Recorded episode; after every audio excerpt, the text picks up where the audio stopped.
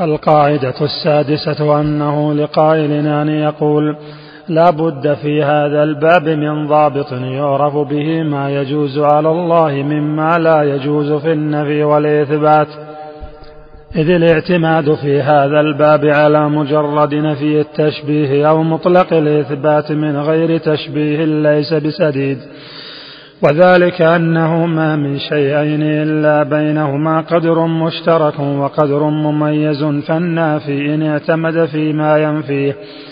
إن اعتمد فيما ينفيه على أن هذا تشبيه قيل له. إن أردت أنه مماثل له من كل وجه فهذا باطل. وإن أردت أنه مشابه له من وجه دون وجه أو مشارك له في الاسم لزمك هذا في سائر ما تثبته.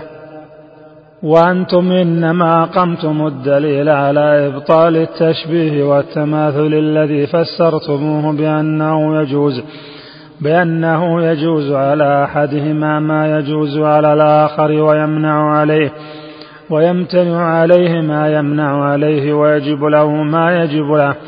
ومعلوم أن إثبات التشبيه بهذا التفسير مما لا يقوله عاقل يتصور ما يقول فإنه يعلم بضرورة العقل امتناعه ولا يلزم من نفي هذا نفي التشابه من بعض الوجوه كما في الأسماء والصفات المتواطئة ولكن من الناس من يجعل التشبيه مفسرا بمعنى من المعاني.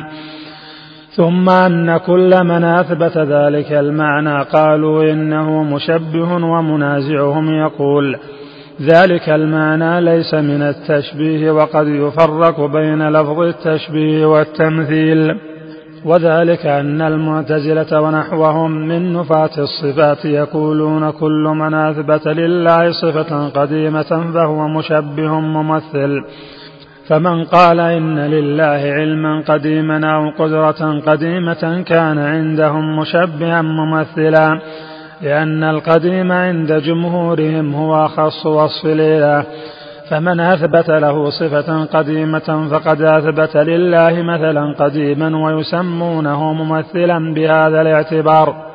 ومثبتة الصفات لا يوافقونهم على هذا بل يقولون أخص وصفه حقيقة ما لا يتصف به حقيقة ما لا يتصف به غيره مثل كونه رب العالمين. وأنه بكل شيء عليم وأنه على كل شيء قدير وأنه إله واحد ونحو ذلك. والصفة لا توصف بشيء من ذلك.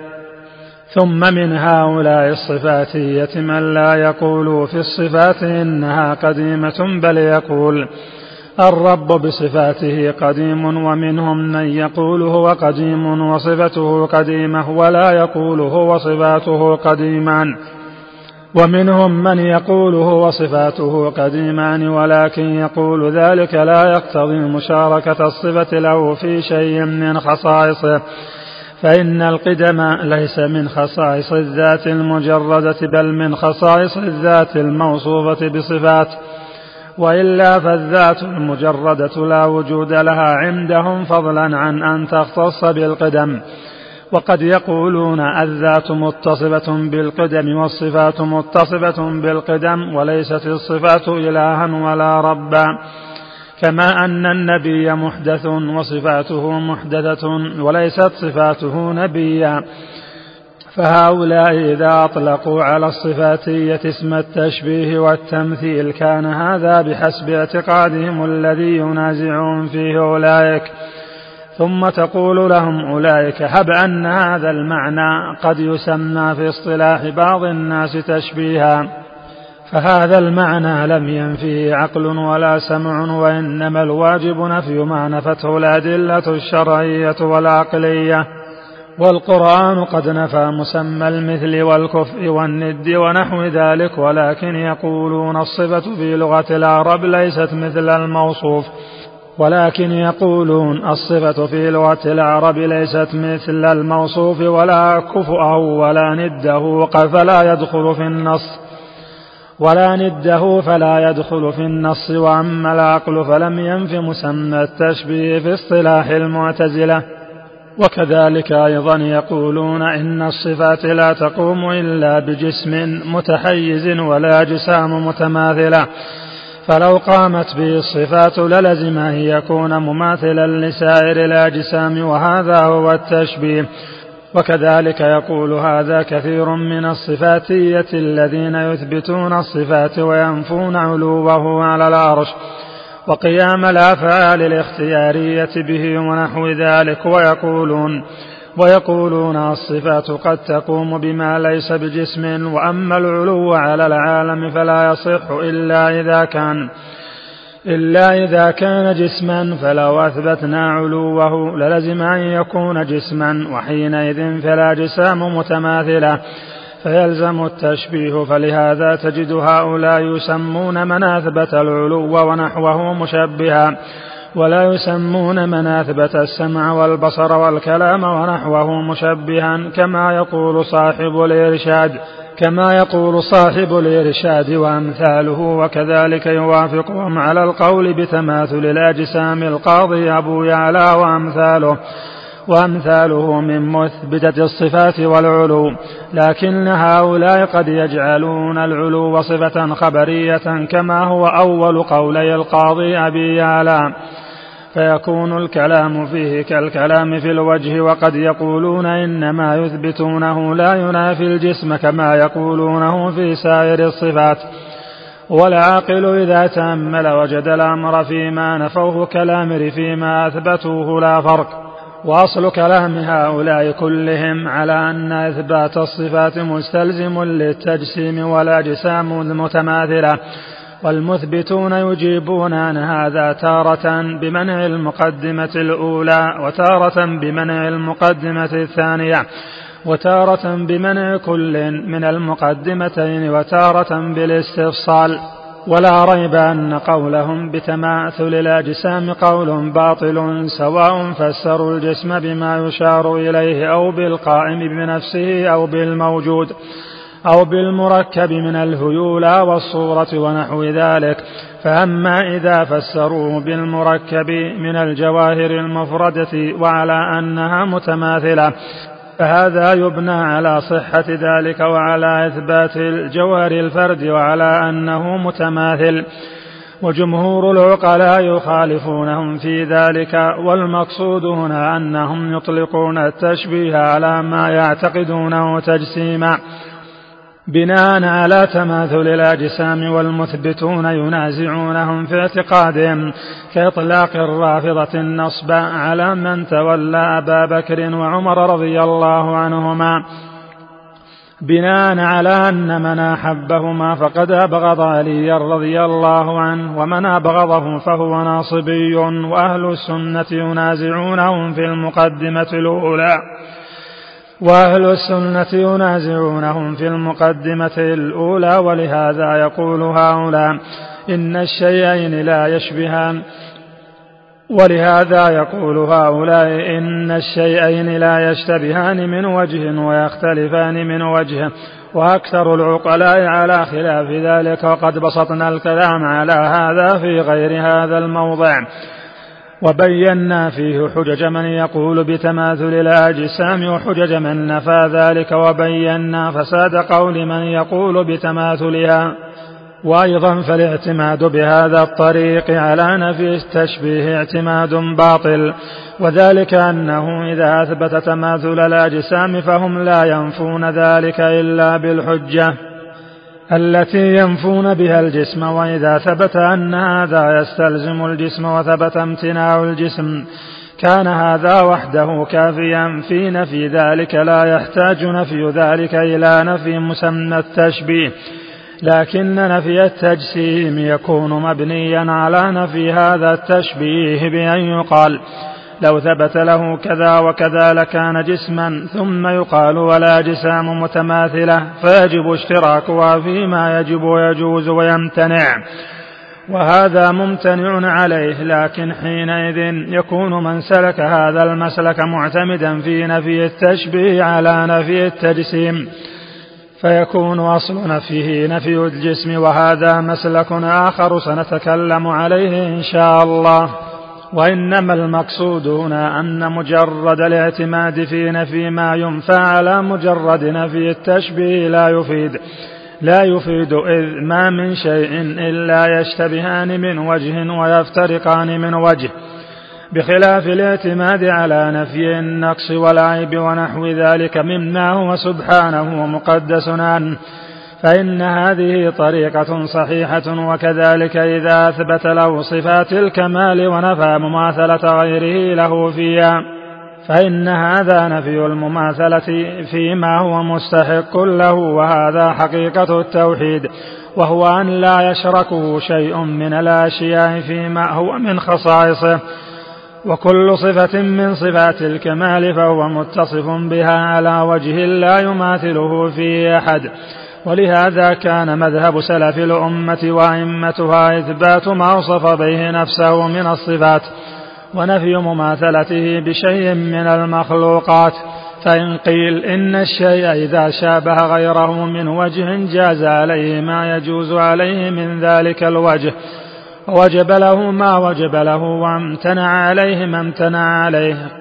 قيل هب أن الأمر كذلك ولكن إذا كان ذلك القدر المشترك لا يستلزم إثبات ما يمتنع على الرب سبحانه ولا نفي ما يستحقه لم يكن ممتنعا كما إذا قيل إنه موجود حي عليم سميع بصير. وقد سمي بعض المخلوقات حيا سميعا عليما بصيرا. فإذا قيل يلزم أنه يجوز عليه ما يجوز على ذلك من جهة كونه موجودا. من جهة كونه موجودا حيا عليما سميعا بصيرا. قيل لازم هذا القدر المشترك ليس ممتنعا على الرب تعالى. فإن ذلك لا يقتضي حدوثا ولا إمكانا ولا نقصا ولا شيئا مما ينافي صفات الربوبية. وذلك أن القدر المشترك هو مسمى الوجود أو الموجود أو الحياة أو الحي أو العلم أو العليم أو السمع أو السمع أو البصر أو السميع أو البصير أو القدرة أو القدير والقدر المشترك مطلق كلي. مطلق كلي لا يختص بأحدهما دون الآخر فلم يقع بينهما اشتراك لا فيما يختص بالممكن المحدث ولا فيما يختص بالواجب القديم فإنما يختص به أحدهما يمتنع اشتراكهما فيه. فإذا كان القدر المشترك الذي اشتركا فيه صفة كمال كالوجود والحياة والعلم والقدرة. ولم يكن في ذلك شيء مما يدل على خصائص المخلوقين كما لا يدل على شيء من خصائص الخالق. لم يكن في إثبات هذا محذور أصلا بل إثبات هذا من لوازم الوجود فكل موجودين لا بد بينهما من مثل هذا ومن نفى هذا لزمه. ومن نفي هذا لزمه تعطيل وجود كل موجود. ولهذا لما اطلع الأئمة على أن هذا حقيقة قول الجهمية سموهم معطلة وكان جهم ينكر وكان جهم ينكر أن يسمى الله شيئا وربما قالت الجهمية هو شيء لا كلاشيا. فإذا نفى القدر المشترك مطلقا لزم التعطيل لام والمعاني التي يوصف بها الرب تعالى كالحياة والعلم والقدرة بل الوجود والثبوت والحقيقة ونحو ذلك. تجب لوازمها فإن ثبوت الملزوم يقتضي ثبوت اللازم وخصائص المخلوق التي يجب تنزيه الرب عنها ليست من لوازم ذلك أصلا. بل تلك من لوازم ما يختص بالمخلوق من وجود وحياة وعلم ونحو ذلك. والله سبحانه منزه عن خصائص المخلوقين وملزومات خصائصهم. وهذا الموضع من فهمه فهما جيدا وتدبره زالت عنه عامة الشبهات وانكشف له غلط كثير من الأذكياء في هذا المقام وقد بسط هذا في مواضع كثيرة. وبين فيها أن القدر المشترك الكلي لا يوجد في الخارج إلا معينا مقيدا وأن معنى اشتراك الموجودات في أمر من الأمور هو تشابهها من ذلك الوجه وأن ذلك المعنى العام يطلق على هذا وهذا لأن الموجودات في الخارج لا يشارك أحدهما الآخر في شيء موجود فيه. بل كل موجود متميز عن غيره بذاته وصفاته وأفعاله. ولما كان الأمر كذلك كان كثير من الناس متناقضا في هذا المقام.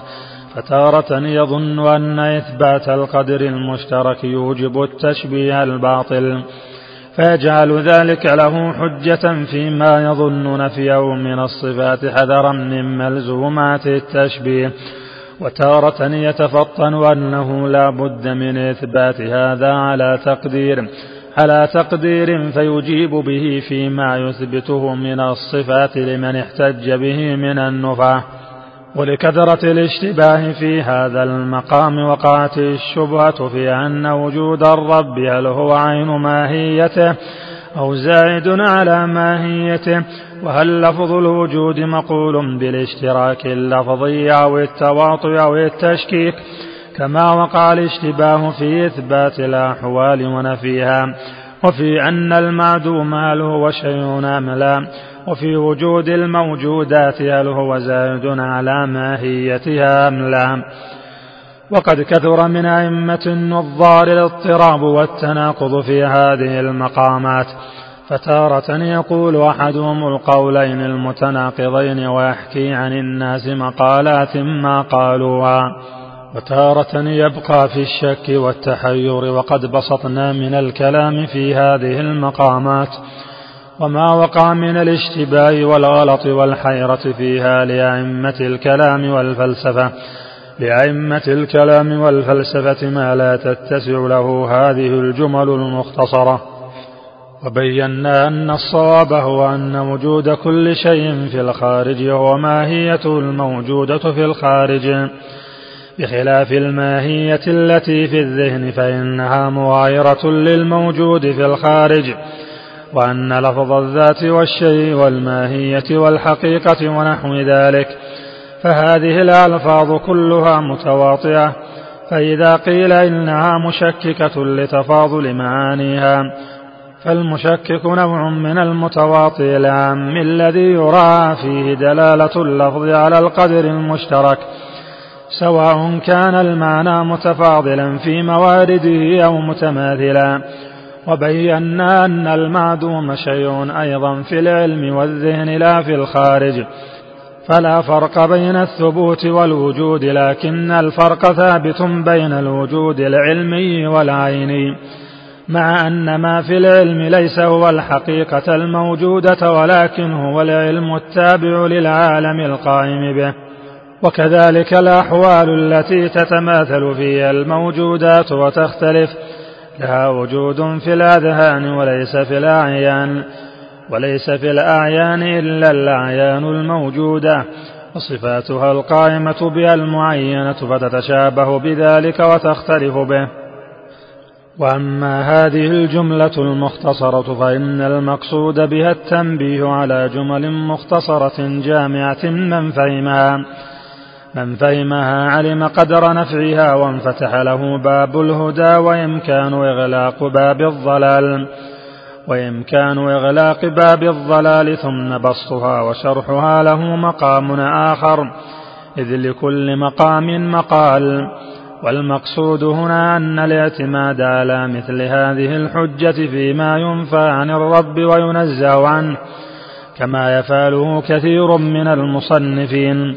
خطأ لمن تدبر ذلك وهذا من طرق النفي الباطلة. فصل وأفسد من ذلك ما يسلكه نفاة الصفات أو بعضها.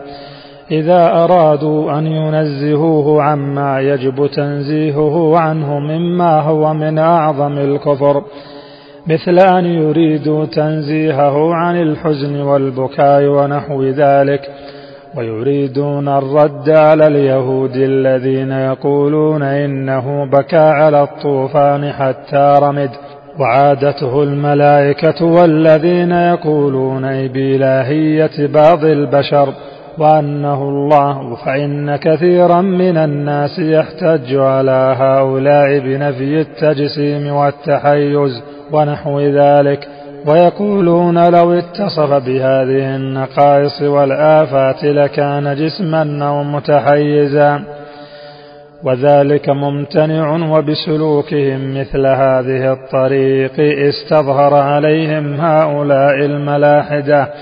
نفاة الأسماء والصفات فإن هذه الطريقة لا يحصل بها المقصود لوجوه. أحدها أن وصف الله تعالى بهذه النقائص والآفات. أظهر فسادا في العقل والدين من نفي التحيز والتجسيم. فإن هذا فيه من الاشتباه والنزاع والخفاء ما ليس في ذلك وكفر صاحب ذلك معلوم بالضرورة من دين الإسلام. والدليل معرف للمدلول ومبين له فلا يجوز أن يستدل على الأظهر البين بالأخفى كما لا يفعل مثل ذلك في الحدود. الوجه الثاني أن هؤلاء الذين يصفونه بهذه الصفات يمكنهم أن يقولوا نحن لا نقول بالتجسيم والتحيز كما يقوله من يثبت الصفات وينفي التجسيم فيصير نزاعهم مثل نزاع مثبتة الكلام وصفات الكمال فيصير كلام من وصف الله بصفات الكمال وصفات النقص واحدا ويبقى رد النفاة على الطائفتين بطريق واحد وهذا في غاية الفساد. الثالث أن هؤلاء ينفون صفات الكمال بمثل هذه الطريقة واتصافه بصفات الكمال واجب ثابت بالعقل والسمع. فيكون ذلك دليلا على فساد هذه الطريقة. الرابع أن سالكي هذه الطريقة متناقضون فكل من أثبت شيئا منهم ألزمه الآخر بما يوافقه فيه من الإثبات.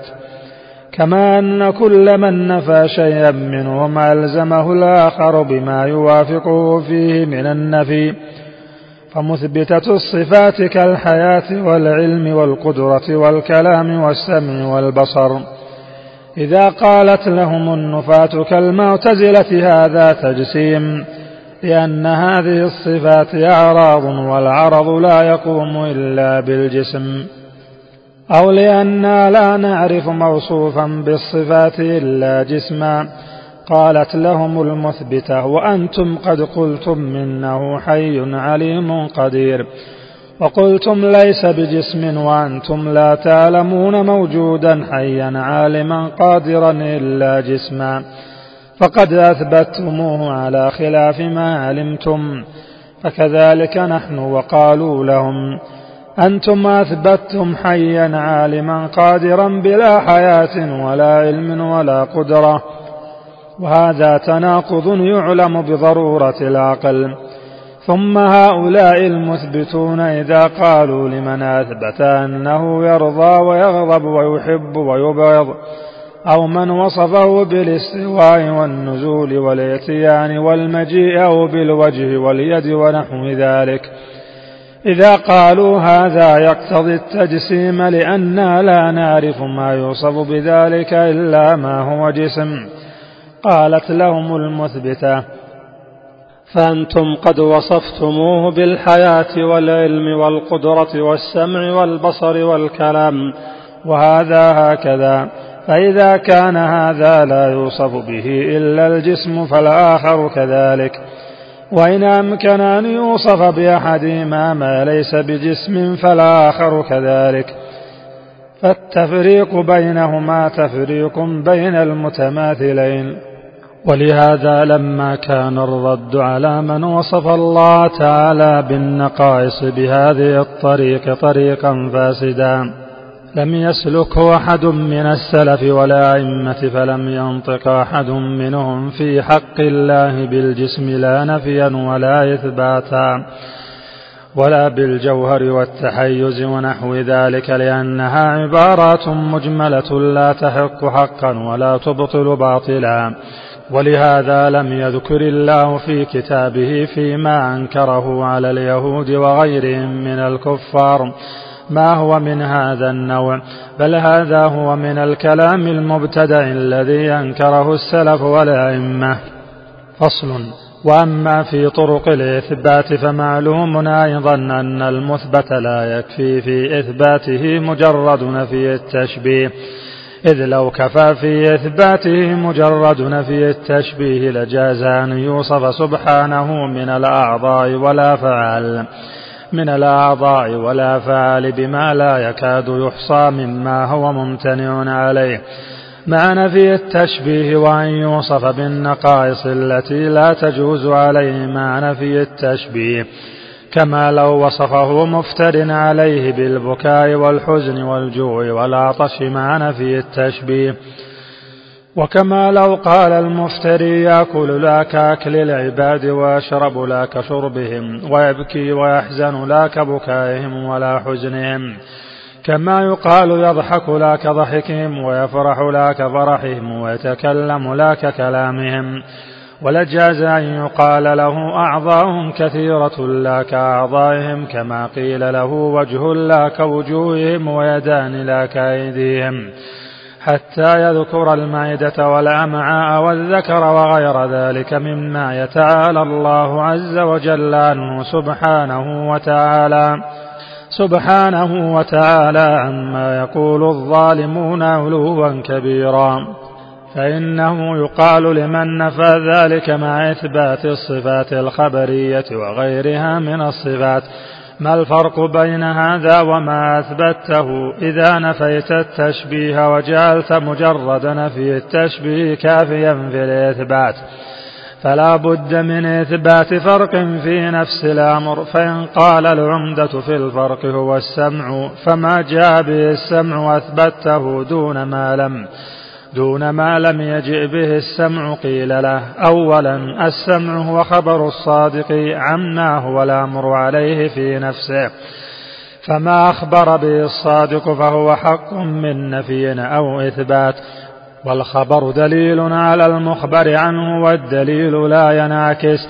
فلا يلزم من عدمه عدم المدلول عليه. فما لم يرد به السمع يجوز أن يكون ثابتا في نفس الأمر.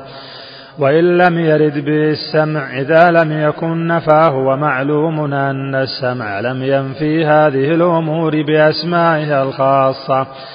فلا بد من ذكر ما ينفيها من السمع وإلا فلا يجوز حينئذ نفيها كما لا يجوز إثباتها. وأيضا فلا بد في نفس الأمر من فرق بين ما يثبت له وينفى. فإن الأمور المماثلة في الجواز والوجوب والامتناع. يمتنع اختصاص بعضها دون بعض في الجواز والوجوب والامتناع.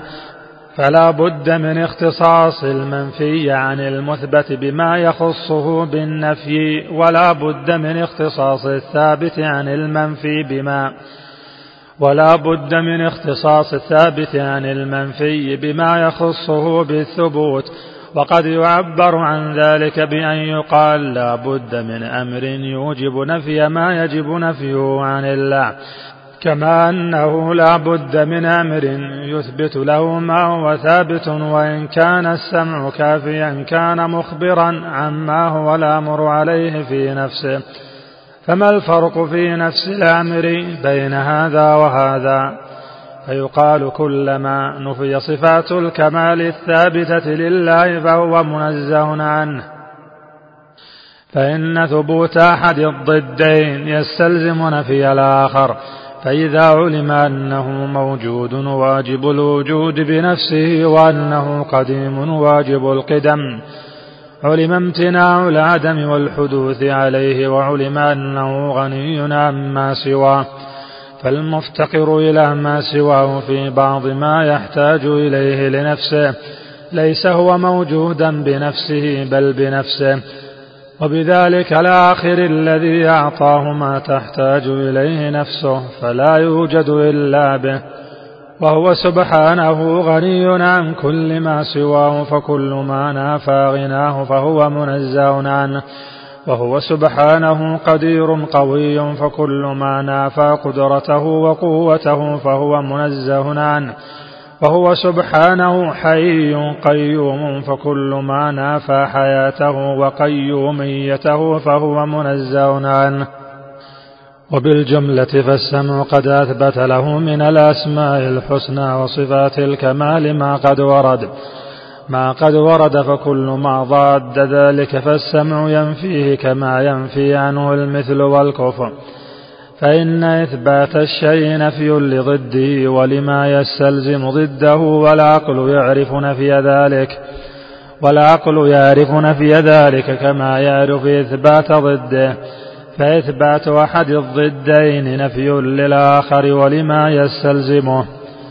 فطرق العلم بنفي ما ينزه عنه الرب متسعة لا يحتاج فيها إلى الاقتصار على مجرد نفي التشبيه والتجسيم كما فعله أهل القصور والتقصير الذين تناقضوا في ذلك وفرقوا بين المتماثلين حتى أن كل من أثبت شيئا احتج عليه من نفاه بأنه, بأنه يستلزم التشبيه.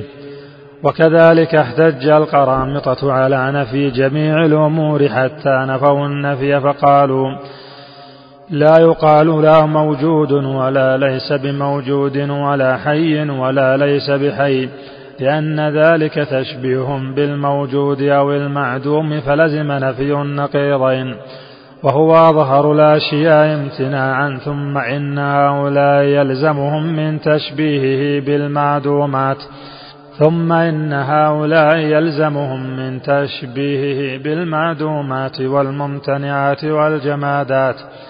أعظم مما فروا منه من التشبيه بالأحياء الكاملين. فطرق تنزيهه وتقديسه عما هو منزه عنه متسعة لا تحتاج إلى هذا.